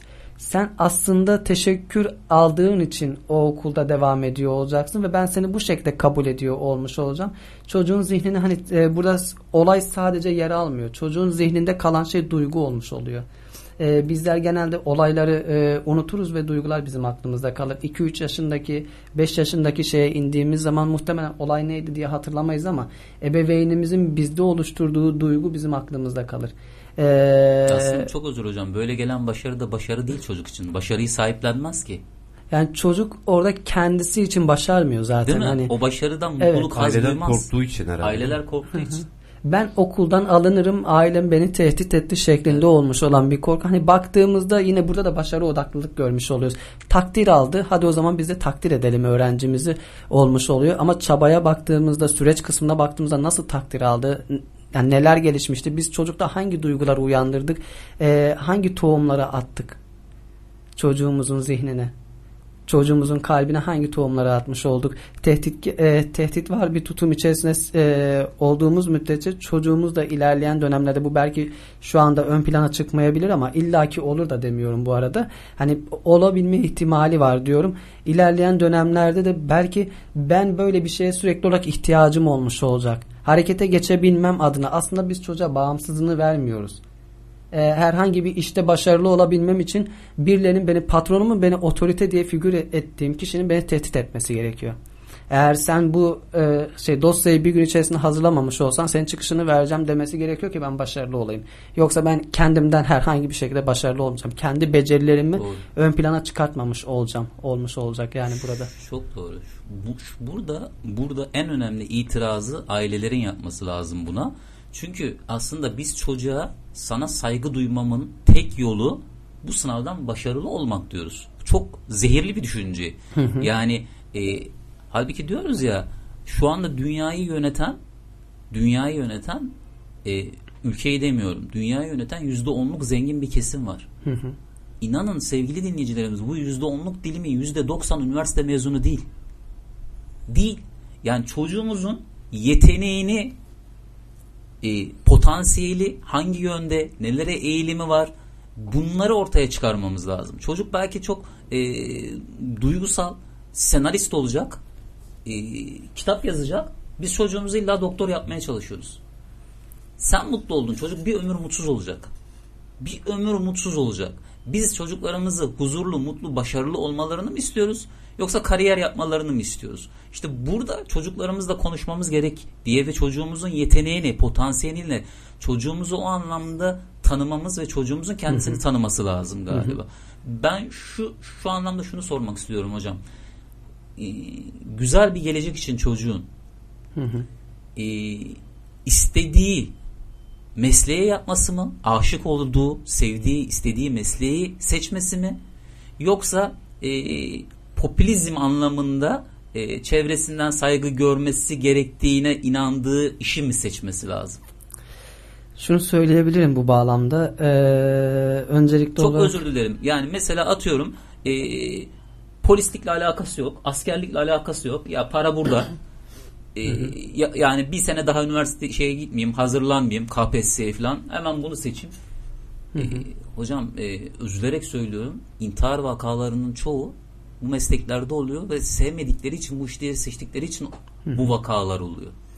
Ya burada şu kavramdan bahsedebilirim belki mesleki doyum dediğimiz bir kavram var bizim. Mesleki doyumu oluşturan etmenlere baktığımızda sadece maaş ve statü mesleki doyumunu oluşturmuyor. Değil mi? E, iş içerisinde yapmış olduğumuz o e, projeler, başarılar, beceriler vesaire bu tarz şeyler de bizim mesleki doyumumuzu etkileyen bir diğer etmen. Hani e, Çalışma saatimiz de bizim mesleki doyumumuzu etkileyen bir diğer faktör. Ama burada genel anlamda baktığımızda e, kaygılarımızla beraber biz sadece mesleki doyumumuzu e, maaş ve statüden dolayı olduğunu e, ifade ediyoruz ve bunu aktarıyoruz aslında e, sonrakilere bizden gelecek e, hatta şu anda sınava girecek olan öğrenciler bunu aktarmaya çalışıyor. Eğer sen bir meslekte mutlu olacaksan burada kazanacağın paradan dolayı mutlu olacaksındır. Ya da bir meslekte mutlu olmanın yolu işte e, statü anlamında en üst düzeyde olursan sen mutlu olursun şeklinde bir e, fikir yapısını, bir düşünce tarzını empoze etmiş oluyoruz. Ama genel anlamda baktığımızda mesleki doyumu oluşturan etmen, etmenler sadece bu ikisi değil. Diğer başka birçok faktör var. Çok aynen. Yani mesela dediniz ya yayının başında işime aşık oldum. Hı hı. İşine aşık olan bir adam da hayat boyu yorulmuyor, mutsuz olmuyor. Ya da mutsuz olduğu zaman oradan kurtulmanın yollarını çok rahat bulabiliyor. Evet. Ya şunu söyleyebilirim birçok kişiden almış olduğum tepki bu hep öğrencilerimden olsun ya da e, arkadaşlarımdan olsun e, ya da çalışma arkadaşlarımdan olsun sürekli olarak almış olduğum tepki ya hocam hiç diyor bıkmıyor musun ya yorulmuyor musun? Yani insanlar geliyor sana anlat başın ağrımıyor mu senin ya? Hani bana biri gelse 5 dakika derdini anlatsa yani illallah ederim kovarım herhalde odadan şeklinde diyor. Tam aksine ben açıkçası zevk alıyorum diyebilirim yani o e, kişinin anlatmış olduğu problem durumu her neyse onu dinleyip ona yardımcı oluyorum ya işte o zaman e, hiç bir şekilde ne yorgunluk ne baş ağrısı vesaire hiçbir şey açıkçası ol, oluşmuyor. Yani ben de belki Neşet Ertaş'ın e, ifadesini söyleyebiliriz burada. E, aşk ile yapan yorulmaz diyor ya Çok işte. doğru. O şekilde bir şey olmuş oluyor Doğru. diyebilirim. O, o yüzden potansiyelimizi bilmemiz lazım. Hı hı. Potansiyelimize ve e, bizi mutlu edecek neyse onu seçmemiz lazım. Böyle olursa kendini geliştiren bireyler ortaya çıkar Çok işte. Ee, ama diğer türlü olursa mesela kend, e, kendi istediği bölümü değil de çevrenin baskısıyla beraber seçmiş olduğu bölümü tercih edecek e, olan bireylerde e, belki her gün lanet okuyabilir yani Evet. işten e, e, işten eve geldiğinde evden işe gittiğinde ailesini de etkileyecek, çocuğunu da etkileyecek, evliliğini de etkileyecek. Tabii ki hani en başta da e, söylüyordum ya biz aktarıyoruz aslında bir takım duyguları çocuklara. E, biz o, o çocukta kendi çocuklarına aktarmış olacak. Kendinden sonra gelen nesillere aktarmış olacak yani bunu. Bunun Ha. olmasını elbette istemeyiz yani. Aynen, aynen öyle. Ee, peki e, hocam mesela şöyle bir durum da var. Ee, sevgili bir öğretmen arkadaşım vardı. Ee, çocuk atıyorum boğaz içini istiyor. Başka bir yer geliyor. Hı hı. Ee, ailesi diyor ki git. Hı hı. Öğretmen inisiyatif alıyor. Diyor ki göndermeyeceğim ben. Öğretmeni değil miyim diyor. Bu çocuğun boğaz içini kazanacak kapasitesi var. Bu sene olmadı seneye olacak diyor. Hı hı. Aile de tamam diyor. Ondan sonra çocuğa da soruyorlar. Çocuk diyor evet diyor ben bir sene daha hazırlanmak istiyorum. Ve ertesi sene kazanıyor. Evet. Yani mesela e, bu sene istediğimiz dal geliyor ama istediğimiz şehir gelmiyor. Ya orada sıkıntı yaşayacağını düşünüyor çocuk. Yani bu tür durumlarda kendine güveniyorsa bir sene daha hazırlanması mı lazım? Ee, ya ben net bir şey söyleyemem bu noktada ama e, alternatifleri belki ön plana çıkartabilirim. Burada yatay geçiş dediğimiz bir sistem var bizim. Hani belki e, hani tekrardan sınava hazırlanmak, tekrardan bu kaygı, bu stresi yaşamak yerine hani bu da belki e, seçilebilecek bir yöntem olabilir. E, istediği bölüm geliyordu farklı bir şehirde. Hı hı. Belki orayı okuyabilir ama e, o sene e, okurken ki e, kısımda ilk dönemde ya da e, dönem sonunda sene sonunda yatay geçiş fırsatını da kullanabilirler yani. Anladım. Aslında bu komple e, aile, öğretmen, çocuğun kendisiyle yapılacak bir istişare sonucu değerlendirilmesi Ha, biz lazım. alternatifleri sunalım Tabii. öğrencilerimize. Tabii. Bırakalım kararı kendileri vermiş Aynen. olsunlar. Ee, ve olabildiğince kararlarına saygılı olmaya çalışalım biz. Eğer bu olmadığı müddetçe çocuğun bağımsızlığına, çocuğun e, bireyselleşmesine, bireyselleşmesine e, aslında biraz da pençe atmış oluyoruz biz. Çok doğru. Peki çocuk başarısız oldu. Sınav bitti. Sonuçlar geldi. Başarısız oldu. Ne yapmaları lazım? Çocuğun, ailenin. Ee, elbette şu tutumdan uzak durmamız gerekiyor. Hani Allah da belanı versin tarzında bir şeyden uzak durmamız gerekiyor bizim. Ee, şey çocuğa karşı. Ya öncelikli olarak e, hani bir ara dedim ya bir tane soruya cevap verirken e, çocuğun duygusunu öncelikle bizim almamız gerekiyor. Onu bir anlayalım biz. Hani biz sadece üzülmedik. Biz biz sadece e, kaygı yaşamadık. Çocuğumuz da yaşadı. Bir önce onun üzüntüsünü bir ele alalım. O, o neler hissetti? Bir onu dinlemesini bilelim biz. E, şunu unutmayalım. Herkesin, hepimizin dinlenilmeye ihtiyacı var. Bu 2 yaşındaki çocuk için de geçerli, 70 yaşındaki birey için de geçerli. Hepimizin dinlenilmeye ihtiyacı var. Özellikle olarak kendi çocuklarımızı önce bir dinleyelim biz. Dinlemeye alışalım yani. Ne diyor? E, dinlerken de tabii ki yargılayıcı bir tutumdan uzak. Ya hadi canım onu mu hissettin? Ya sen de niye bunu hissettin ki zaten? Bilmiyorum yani böyle bir ya nasıl aklından geçer böyle bir düşünce şeklinde e, tutumlardan uzak duraraktan ya da neden niçin nasıl sen nasıl böyle düşünürsün şeklinde bir tutum içerisinde olmadan sadece dinlemeye çalışarak anlamaya çalışarak yani hepimizin anlaşılmaya da ihtiyacı var bir bakıma baktığımızda. Hani dinlenilmeye ve anlaşılmaya ihtiyacımız var e, empati özellikle çok çok önemli. Hani veliler olabildiğince elinden geldiğince empati kurup e, tepki verecekleri zaman da peki hocam her zaman dinleyecek miyim ben ya bu mu yani benim görevim? E, elbette değil yani ben diliyle özellikle kendi duygularımızı ifade edebiliriz. Evet hani sen sınavda kötü yaptın ya ben de açıkçası buna e, üzüldüm. Şekle kendi duygumuzu ifade etmemiz gerekiyor e, çocuklarımıza. Ama en başta dediğim gibi dinlenilme ve anlaşılma ihtiyacını önce bir giderelim e, bireyler dinlenilmediğini anlaşılmadığını hissetmediği insanlarla konuşmazlar. E, bazen veliler diyor ya hocam bana hiçbir şeyini anlatmıyor ama bir arkadaşı var var ya her şeyini biliyor o çocuğunun her şeyini biliyor. Sana niye anlatmıyor acaba? Onu Hani çünkü lazım. anlaşıldığını hissetmiyor olabilir yani birey. Çünkü tam ağzını açıyor e senin aptallığından tarzında bir ifadeyle yaklaşırsa yani bu bu şekilde bir şey olsa hani çocuk kendi duygusunun anlaşıldığını hissetmediği müddetçe e, ben bir sonraki problem durumu o zaman velime anlatmam olabiliyor. Çok doğru. Hani arkadaşlar için de bu geçerli. En basitinden mesela velilere soralım bu soruyu. E, siz kendinizin dinlenilmediğini ya da anlaşılmadığını hissettiğiniz e, hissetmediğiniz kişilere bir şey anlatır mısınız yani? Yanına gider misiniz? Aynen. Çayını içer misiniz? Yani bir kere e, şu benim en çok taktığım noktalardan biri hep bunu hayatımız boyunca da yaşamışızdır. El alem. Evet. El alem. El alemden dolayı çocuğumuza kızıyoruz. Ayşe'nin Fatma'nın stresi yok muydu? O nasıl başardı? Sen nasıl başaramadın? Saçımızı süpürge ediyoruz, yemiyoruz, yediriyoruz, içiriyoruz. Bak ne çilelerle seni okutuyoruz, ediyoruz. Evet. Ama sen sana düşeni yapmıyorsun. Sanırım suçlayıcılık. Bunlar da e, Doğan Cüceloğlu'nun bir lafı var. Diyor ki e, başarısızlık aslında çok değerlidir görebilene. Başarının taksitleridir o. Evet. Yani belki bir öğrencinin kaderinde biraz da kader yani ka- işi kadere tevekküle de bırakmamız lazım bazı şeyleri.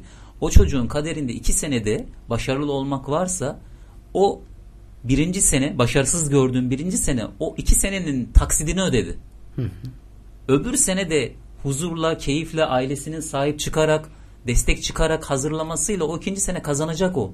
Belki birinci senede kazanacağından daha iyi bir yeri kazanacak. Ama çocuğumuzu suçladığımız zaman çocuğumuzu yerli bir ediyoruz. Kesinlikle. Değil mi hocam? Ben e, kimin sözüydü tam anımsamıyorum ama şöyle bir söz okumuştum.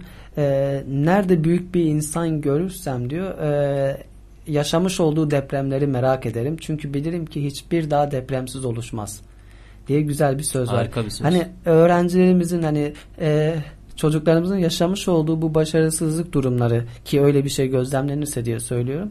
e, birer deprem etkisi olabilir. Yani karşılaştırmaya girmeden el alem dediğimiz e, işte Ahmet'in Ayşe'nin çocuğu vesaire falan e, gibisinden bir şeye girişmeden sen bir bireysin ya. Bunun mesajını vermek gerekiyor aslında. En temelde bu yatıyor.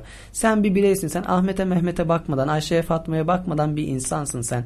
Ben senin mukayese yapacaksam senin kendi çabalarına göre mukayese yapayım. Bu başarısızlıkların da belki birer deprem niteliği taşıyordur da seni daha yapacaktır şeklinde bir yorumlama yapabiliriz. Böyle bir yaklaşım sergileyebiliriz. Ee, ama bizler daha çok işin kolayı dediğimiz kısma kaçıyoruz. Karşılaştırdığımız zaman e, başımız biraz da göğe eriyor ve zannediyoruz ki başarı öyle gelecek. Halbuki başarı öyle gelmiyor. Biz daha çok başarısızlığı tetikliyoruz bu durumda. Ee, mükemmeliyetçilik ve yetersizlik duygusu da tam da bu noktadan zaten başlamış olabiliyor. Ben diğerleri varsam varım. Mi? Annem babam daha çok diğer insanlara odaklanıyor. Benim şey çabalarıma odaklanmıyor mesajı gidebiliyor yani burada. Bir, bir de zaten sene geçti de gelecek seneler için en azından bunu sorayım. Çocuklarımızı biz çok hmm, atıyorum aşırı kampa alıyoruz. Yani i- i- sanki inanılmaz derecede bir sene boyunca onu kampa alıyoruz hapishane gibi. Gezme yok, tozma yok, eğlenmek yok, arkadaşlarınla görüşmek yok. Bu, bu da sıkıntı değil mi? Evet. Hayat devam ediyor. Halbuki mesela e, kazananların hayatına baktığımızda, tavsiyelerine baktığımızda ya diyor ben günde 5-6 saat çalıştım, gezdim, tozdum, eğlendim, sinemama gittim, tiyatroma gittim.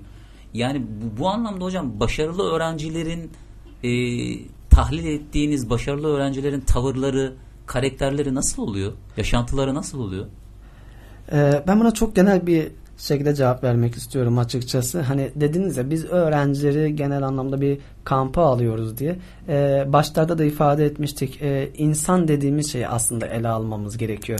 Biz öğrencilere sadece matematik, Türkçe, fizik, kimya, biyoloji vesaire ya da diğer dersleri tarih, coğrafyasını hani e, elbette yükleyeceğiz. Yani bunları bilmeleri gerekiyor. Bunlar önemli bilgiler. Çünkü ÖSYM buralardan sormuş olacak. Ee, ama bunu yaparken de insanı insan olarak ele almamız gerekiyor. Ee, yani bu insanın biyolojik tarafını da ele almamız gerekiyor. Beslenme ile ilgili bir tane soru gelmişti. Orada da buna cevap vermiş olalım. Ee, insanın psikolojik yönünde, sosyal yönünde, insana genel anlamda baktığımızda insan dediğimiz varlık biyopsikososyal bir varlıktır. Yani hem biyolojik tarafımız var bizim e, işte beslenmemizden tutun uykumuza tuvalete gitmemize kadar olan bir varlıktan bahsediyoruz. Aynı zamanda psikolojik bir varlığız. Düşüncelerimiz ve duygularımız var bizim. E, bunlardan ibaretiz. Aynı zamanda sosyal de bir varlığız. Bizler e, sosyalleşmeye de ihtiyacımız var. Ee, dediğiniz gibi hani başarılı insanlara baktığımızda ya ben 5 saat çalıştım diyebiliyor bu öğrenci. Önemli olan şey e, burada çok çalışmaktan ziyade verimli çalışabilmek. Çok yani. doğru. E, kendisinde e, öğrencinin verimli olduğu saatleri öncelikli olarak keşfetmesi gerekiyor. Yani önümüzdeki sene için olmuş olsun bu bilgi e, öğrencinin öncelikli olarak verimli olduğu saat dilimlerini keşfetmesi gerekiyor kendi. Sabah saatlerinde mi daha çok verimli, ikindi vakitlerinde mi daha çok verimli ya da günün e, akşam vakitlerinde mi daha çok e, zihni açık, alıcıları açık. Bunun öncelikle keşfetmesi gerekiyor. Belki bunu keşfetmek için de kendine bir hafta süre verebilir yani. Bir hafta boyunca ben sabah öğle iki e, şey yapayım çalışmalarımı yapmış olayım. En çok hangi vakitlerde öğreniyorum bunu keşfetmiş olayım. O vakitlerimi olabildiğince dolu geçireyim, verimli geçireyim. E, e, daha çok anlamadığım konulara o saatler diliminde eğilmiş olayım ki e, alıcılarım açıkken hepsini almış olayım, hapsetmiş olayım o bilgileri kendime diye yorumlayabiliriz. Bunu yaparken de e, dediğim gibi biyopsikososyal varlık olduğumuzu unutmadan mesela biyolojik tarafımızda beslenme kısmına cevaben olsun. E, nasıl beslenmemiz gerekiyor? Özellikle bu son iki günde e, akşamları olabildiğince hafif şeyler tüketmeye çalışalım. Bizim Türk kültürüne baktığımızda özellikle Adana kültürüne baktığımızda ee, akşamları yağlı yemekler olmazsa olmazımız yani maalesef öyle olmuş oluyor. Ee, bu da isterseniz midemizi e, biraz yoruyor. Midemizi ve bağırsağımızı yoruyor. Safra kesemizi vesaire e, biraz daha fazla yormuş oluyor. Bunları yorduğu için de yani akşam olduğunda mide biraz daha dinlenmeye geçer. Sindirim sistemi biraz daha dinlenmeye geçer. Ama biz akşam daha fazla böyle ağır şeyler e, tüketiriz, tatlılar tüketiriz. Hele bir meyve yok mu evde bir meyve getirin tüketelim falan şeklinde hani o kadar şey alırız üzerine bunu yeriz yetmez üzerine başka bir şeyler daha hatta e, kolası vesaire falan eksik de olmayabiliyor. Bunları tüketiriz. Mide diyor ki ya ben dinlenmeye geçecektim senin yaptığın şeye bak. Şeklinde bir tepki vermiş oluyor. Bu tepkiyle beraber uyku kalitemiz biraz etkileniyor bizim. Uyku kalitemiz bozulduğu için de ister istemez e, gün içerisindeki yaşam kalitemiz de bizim etkilenmiş oluyor. Yani aslında beslenme dediğimiz şey bu denli önemli ama maalesef e, günümüzde baktığımızda ya aman canım işte iki lokma bir şey yedik ya da şu kadar yedik biraz fazla yemişiz şeklinde böyle dengesiz bir beslenme tutumu içerisinde olduğumuz için de e, ne uykumuzdan verim alabiliyoruz ne de günlük aktivitelerimizden verim alabiliyoruz. Arkadaşlar vakit, vakit geçiriyoruz ama hani ne yaptık nasıl geçti kendim bireysel anlamda vakit geçirdim işe gittim geldim ama ne yaptım nasıl geçti hiç anlamıyoruz. Ee, yaşamış olduğumuz duyguları hissedemiyoruz bazen bu bağlamda baktığımızda. Hani beslenme bu denli önemli. İnsan aslında temel olarak değerlendirip biyo kısmını da ele almamız gerekiyor bu bağlamda. Beslenme o açıdan önemli. Hatta gerekirse e, internette ya da e, şeylerde vardı diyetisyenlere e, ulaşabiliriz yani bu bağlamda diyetisyenlerin kapısını çalabiliriz yani sınav sürecinde nasıl beslenmemiz gerekiyor diye. Ha, üstün körü bahsedecek olursak daha çok akşamları hafif şeyler e, tüketelim. Kahvaltımıza çok çok önem verelim. Kahvaltı maalesef yapmıyoruz. Özellikle evet. gençlere baktığımda hocam evden çıktım geldim işte ya kahvaltıda neymiş şeklinde bir ifadeyle karşılaşabiliyoruz. Kahvaltı yapmıyorlar. E, kahvaltı çok önemli bir besin. E, özellikle e, midenin artık sindirim sisteminin en verimli olarak çalışmış olduğu saat dilimleri olmuş oluyor sabah saatleri. Ama biz o saat dilimlerini hiçbir şey tüketmeden, hiçbir şey almadan sindirim sistemi dinlenmeye geçtiği zaman dilimlere daha çok yükleme yapıyoruz. Aynen. O da isterseniz bir error veriyor yani bedenimiz. Aynen öyle. Peki e, beslenme demişken sınavdan 1-2 gün önce neler yapmamız lazım beslenme anlamında? Sınavdan bir iki gün önce ne yapmamız gerekiyor? Yani sınav günü de mesela e, özellikle sınavda yapmamız gereken şeyler sınavdan önce hazırlığımız e, onlar da çok önemli. Şimdi kaç gün kala bıraksınlar ders çalışmayı? Tabii öncelikle beslenmeden başlayalım isterseniz. Ee, rutini bozmamaya çalışalım. En önemli olan şey bu açıkçası. Ee, rutini bozduğumuz zaman e, sınav gününe özel bir kahvaltı hazırlanmaması gerekiyor. Yani böyle bir şey az, açıkçası gerek yok. Yani normal bir şekilde dün ne yediysek yine bugün aynısını yememiz daha doğru olacaktır. şu, ye yiğidim ye Ha. koçum sen sınava gidiyorsun. Bal kaymak falan yapayım ben daha öncesinde hiç yapmıyordum bugün böyle yapacağım sıcak ekmek gidip fırından alacağım falan şeklinde özel bir şey spesiyel hazırlayayım ben kendime şeklinde bir şeye girişmemek daha doğru olacaktır. Bunu neden söylüyorum çünkü e, hipotalamus dediğimiz bir bölüm var bizim beynimizde. Yani bu bölgeye biz eğer farklı bir uyarıcı gönderdiğimiz zaman hipotalamus e, tepki verebiliyor. Yani diyor ki sen ne yapıyorsun kardeşim ben e, alışmıştım zaten böyle bir yaşantı. Bugün niye farklı bir şey mi var ki sen böyle bir şeye hazırlandın? Neler oluyor diye bir e, alarm sistemini devreye geçiriyor. Alarm sistemini devreye geçirdiği için de e, sınava yüklediğimiz anlam biraz daha farklılaşabiliyor. Ha bugün önemli bir gün. Sen demek Aşırı yapıyorsun. ha? kaygı ve stres Hadi o başlıyor. zaman ben sana o zaman kaygı seviyeni biraz daha arttırayım senin şeklinde. Ne olabiliyor işte e, özellikle somatik belirtiler, duygusal belirtiler ortaya çıkabiliyor. Belki bunlardan da bahsedebiliriz şimdi sözü gelmişken. Ne olabiliyor işte e, hızlı nefes al- alıp vermeye artık başlayabiliyoruz. Belki kalp bölgemizde biraz ağrı hissedebiliyoruz. Midemizde bir ağırlık çökebiliyor. Belki tamamen bir iştahsızlık Belki çekebiliyoruz. migrenin çıkacak bir şey olacak baş ağrısı Çok güzel olacak. bir kahvaltı hazırlıyoruz ama kaygı seviyemiz arttığı için midemiz kapanıyor ya diyor e, iştahım kalmadı benim yemeyeceğim şeklinde. Bu da aslında kaygının bir şeyi. Günü normalleştirmek lazım değil mi hocam? Kesinlikle. Normal bir gün gibi davranmak lazım. Kesinlikle. Dün denemeye girdiğinde nasıl bir kahvaltı yapıyorsan e, kahvaltı yapmayanlar için de şunu söyleyeyim. E, şu an öğrencilerimin şeyleri geliyor böyle kulağıma sanki. E, hocam kahvaltı yapmıyorum ki ben falan şeklinde ifadeleri olabiliyor. Kahvaltı yapmıyorlarsa da en azından yarın bir kahvaltı yapsınlar. Özellikle e, sınav saat e, 10'u çeyrekte başlayacak ama ondan sonra girişler kapanmış olacak. Saat 10'dan sonra kimse alınmayacak. E, en azından bir saat 8'de bir e, artık 7'de ya da 8'de vesaire artık saatin kendileri ayarlarlar. Bir kahvaltı yapmış olsunlar yani. Buna bir hazırlıkta olalım biz. Kahvaltı Ee, önemli besin. Aynen. Peki kaç gün kala bıraksınlar ders çalışmayı? Hocam Son gün, bıraktığımız son gün test çözen var. son gün test çözüyor. Ya ne gereği var? şöyle söyleyeyim e, belki Zaten son güne çok özür dilerim. Zaten o güne kadar bıraktıysan geçmiş olsun zaten yani. Ha, burada öğrencinin biraz kendi değerlendirmesi gerekiyor. Birçok farklı öğrenci var. Hani e, bazı öğrenciler sınava çok motive bir şekilde hazırlandılar. Günlük e, bolca soru çözdüler. Bazı öğrenciler de hiç yani kitap kapağı açmadılar. Şimdi desek ki son gün e, ders çalışmayı bıraksınlar. O öğrenci zaten ders çalışmıyordu ki bıraksın. Olmuş olacak. E, son gün ders çalışmayı bıraksın dersek de diğer çok çalışan arkadaşın yine e, e, hipotalamus dediğimiz kısım devreye girmiş olacak. Sen niye bugün farklı davranıyorsun ki? Ne var bugün yani şeklinde bir e, şey olacak. Mesaj gitmiş olacak. Hani belki çok çalışma değil ama optimal düzeyde yeterince bir şey çalışma olabilir yani. Üstün körü Anladım. bir şekilde eksik olduğum konulara özellikle e, denemelerde sıkça yanlış yapmış olduğum konulara bir göz atmış olayım şeklinde olabilir. Yarını bu şekilde geçirebilirler. Hani tamamen bırakmaktan ziyade ee, belki oradan bir soru gelecektir. Belki oradan bir net yapacaktır yani. Ee, bir de şeye değinmek istiyorum. Yavaş yavaş sonuna geliyoruz hocam. Ee, sınavla ilgili çok olumsuz işte e, hep negatif konuşuyoruz. İşte sistem değişti. Herkes sınava girecek. Şu öyle oldu, böyle oldu. Ee, sistemin düzeni değişti. Sınavın düzeni değişti. Hep negatif konuşuyoruz. Evet. Aslında öğrenci buna odaklanmaması lazım değil mi? Sadece kendine odaklanması lazım. Ya, öğrencinin asıl rakibi e, kendisiyle beraber aynı üniversiteye yazacak olan kişi yani. Aynı bölümü aynı üniversiteye yazmış olacak kişi. 3 milyondan fazla kişi sınava girecek ama bu 3 milyon e, kişi olmasının sebebi mesela barajın kalkıyor olması. E, 10 yıl 15 yıl önce lise diploması alan kişi de şu anda sınava girmiş olacak. Ve tıp isteyen öğrencim e, hocam 3 milyon kişi sınava giriyor ya diyebiliyor. 3 milyon kişiden e, hani içlerinde böyle insanlar da var. 10 yıl 15 yıldır e, kitap açmamış olan kişiler de var. Onlar senin rakibin olmamış olacak. E, tabii. Sen sadece kendi klasmanına, kendi rakiplerine odaklanman gerekiyor. Tabi burada rakip kelimesi de biraz farklı bir anlam ifade ediyor ama onu kullanmak da pek istemiyorum. E, kendi kazanmak istediğin bölüme daha çok fokuslanman gerekiyor.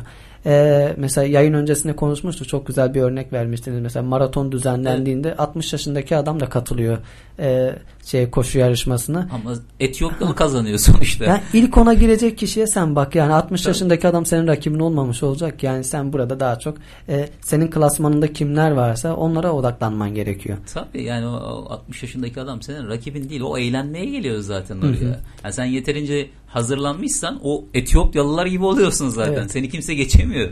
Mesela bildiğim e, yani. birkaç arkadaşım var. Şey yapacak olan, sınava girecek olan mesela. E, benimle beraber mesela liseden mezun olan arkadaşımdı.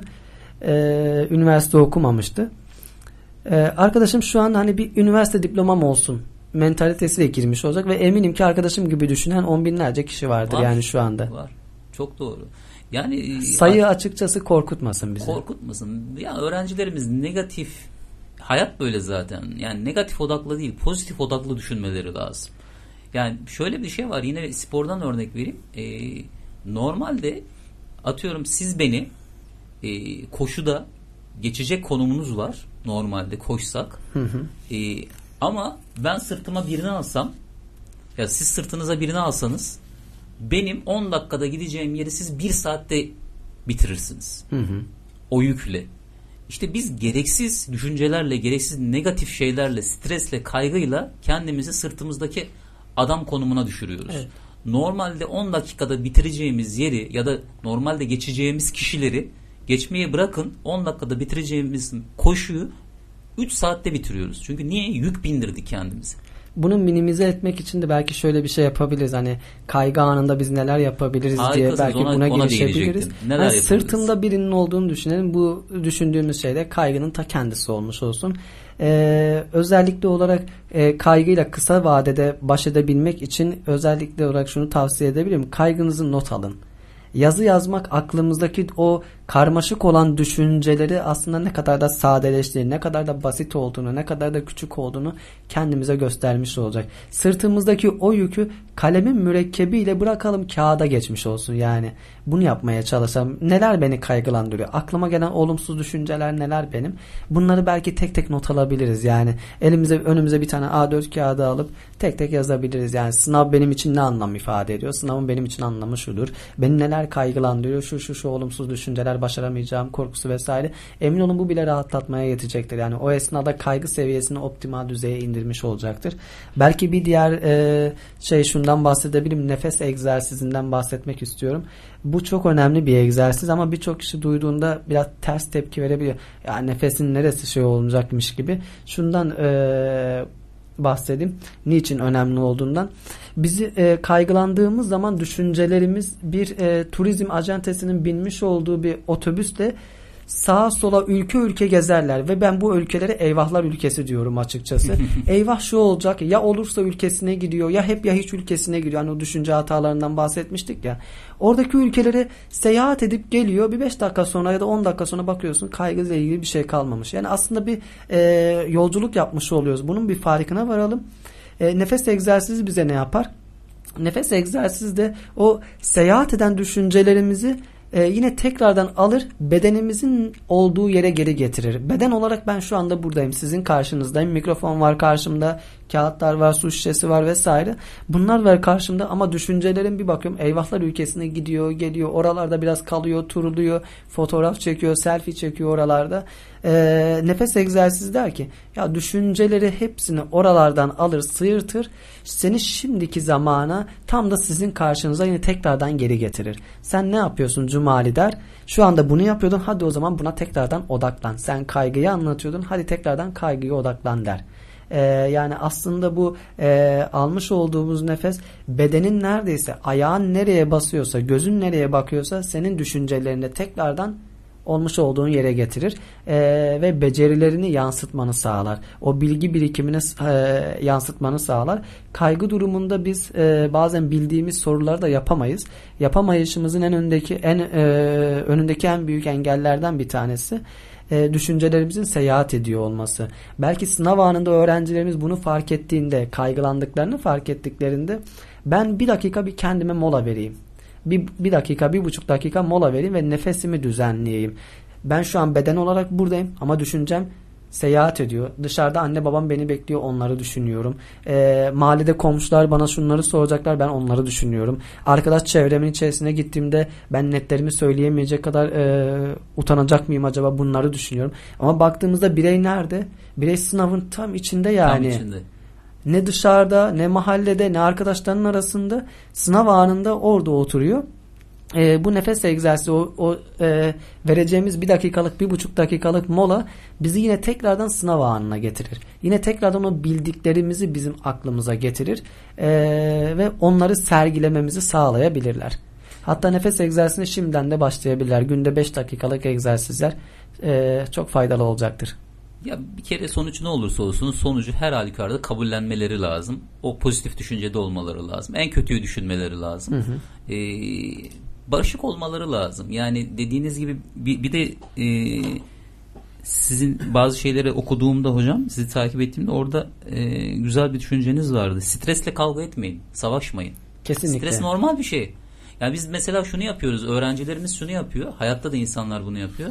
Ya birini görüyor, çok güle, gülüyor, mutlu, sanıyor ki bu adam kusursuz, mükemmel değil. O da senin yaşadığın korkuları, kaygıları yaşıyor. Kesinlikle. Ama o güçlü görünmeyi başarabilmiş. O kaygıyı yaşarken güçlü görünmeyi öğrenebilmiş. Hı hı. Yani bizim de yapmamız gereken bu. Hani sizin dediğiniz optimum düzey o. Hani güçlü gözükmek çok önemli ve stresle hani ben niye stres yaşıyorum? Ben niye stres yaşıyorum? Hayat olduğu sürece stres olacak değil mi hocam? Yani bundan kaçış yok. Savaşmanın da anlamı yok. Yani en başta diyorduk ya stres ve kaygı olması gerekiyor zaten. Olabildiğince ama optimal düzeyde olması e, en doğru olacaktır. Çünkü optimal düzeyde olursa e, bilgi ve becerilerimizi yansıtabildiğimiz en güzel nokta orası olmuş oluyor. Evet. Yani bir insanı başarı kıla, e, başarılı kılacak olan şey kaygısıdır aslında. Çok Kaygı olmadığı müddetçe kalkıp harekete geçmeyiz biz. E, ka, e, hatta yataktan kalkmak istemeyiz de diyebilirim. Yani çok daha biraz şey olacak olursa e, bunu söyleyebilirim. E, kaygı olduğunda mesela sizin de dediğiniz gibi stresli anlarda e, alıp da savaşmak yerine onunla barışmayı tercih edebiliriz. Hatta burada yapacağımız bir diğer e, teknik de şu olabilir. Dur ve izle dediğimiz bir yöntem var bizim e, kaygılı hissettiğimiz anda ya bu kaygı neden aklıma geliyor gibi yargılamaya girişmek yerine bu kaygının ne olduğunu sadece izle ve e, dur ve izle yani herhangi bir şey yapmana gerek yok. E, Oslo'nun güzel bir sözü var. E, gökyüzü bakidir bulutlar gelir geçerler diye. Çok ben düşünceleri buna benzetiyorum.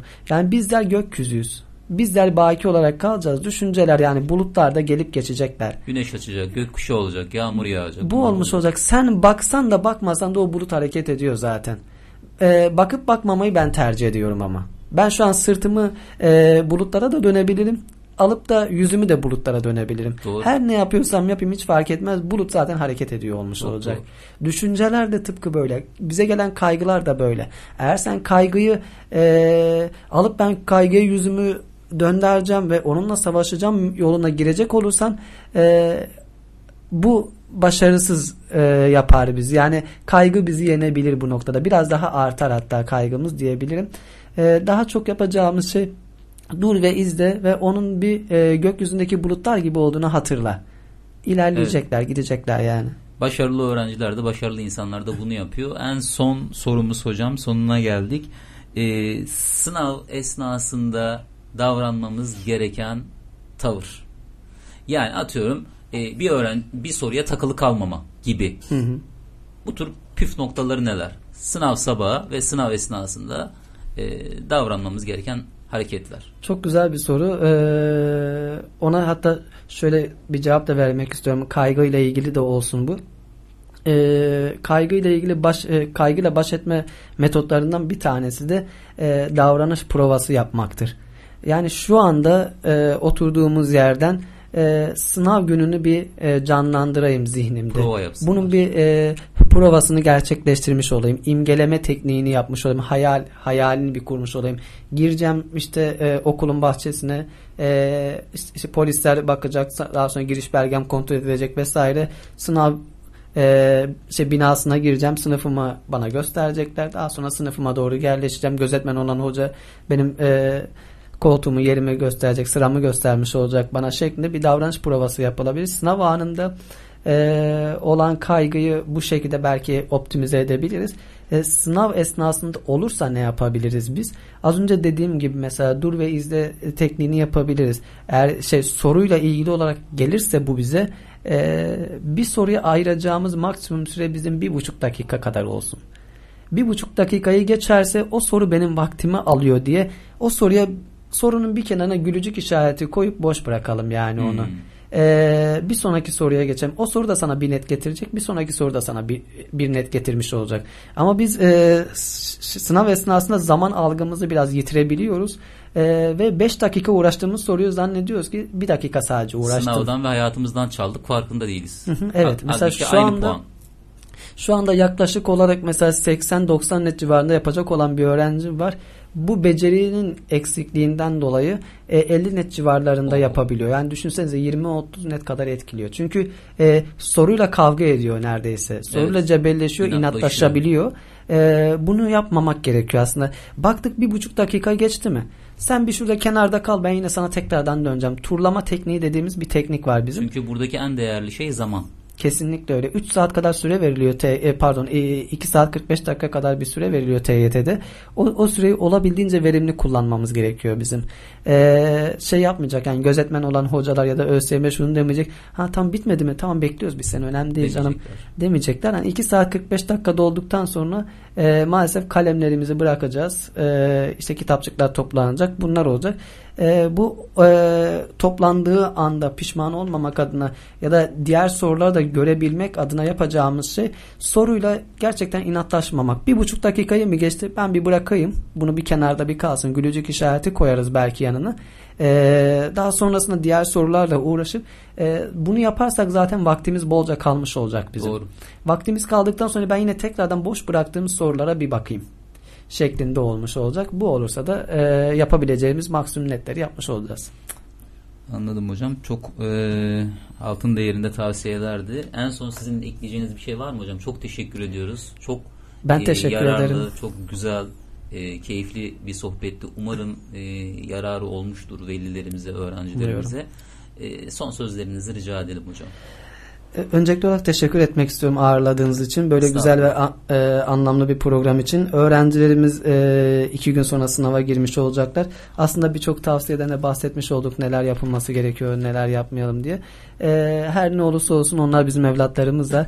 E, başarılı olsalar, başarısız olsalar da neye kazanmış olurlarsa olsun hiç fark etmezler. Hepsi, e, hepsi bizim değerimiz. Hepsi bizim. Hani bundan 5 sene sonra, 10 sene sonra onlar e, ülkenin farklı yerlerinde, farklı kısımlarında mesleklerini icra ediyor olacaklar. Biz belki ayaklarına gideceğiz, e, tedavi olacağız yanlarına. Belki bilgisayar mühendisi okuyan öğrencimize işimiz düşecektir. Bir yazılım yaptıracağızdır. Belki farklı bir şeyler olacaktır. Her ne olsa olsun hepsi bizim evlatlarımız olmuş olacaklar. Bu bakış açısıyla bakalım.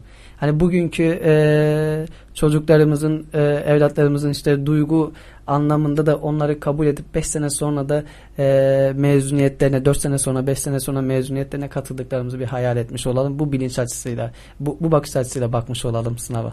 Çok doğru. Biraz da e, kendilerini rahatlatmak adına tevekkül sahibi olsunlar. Önemli olan burada ellerinden geleni yapmak, pişmanlık duyacağı şeyleri yapmamak. Bunlar olduktan sonra da gerisi artık kısmet. Ben elimden geleni yaptım demeleri lazım. E, hepsine başarılar diliyoruz. Allah yardımcıları olsun. E, Evet. kendilerine gerçekten buradan başarılar diliyoruz. Umarım gönüllerindeki yerleri kazanırlar. Teşekkür ederiz Kesinlikle. tekrardan. Ben de aynı şekilde umuyorum ve başarılar diliyorum tüm öğrencilerimize. Aynen başarılar diliyoruz. Sevgili Cumali Özdemir hocama çok teşekkür ediyorum vermiş olduğu altın nitelikteki bilgiler için. Ee, Ercan Boz e, Ercan Bazna hocama da e, sonsuz teşekkürlerimi sunuyorum. Teşekkür E, Cuma günü tekrardan görüşeceğiz inşallah. Hatta bugün perşembe değil mi? Yarın görüşeceğiz. Yarın Ercan görüşeceğiz. Vallahi hani e, bayağı bir gün var gibi hissettim.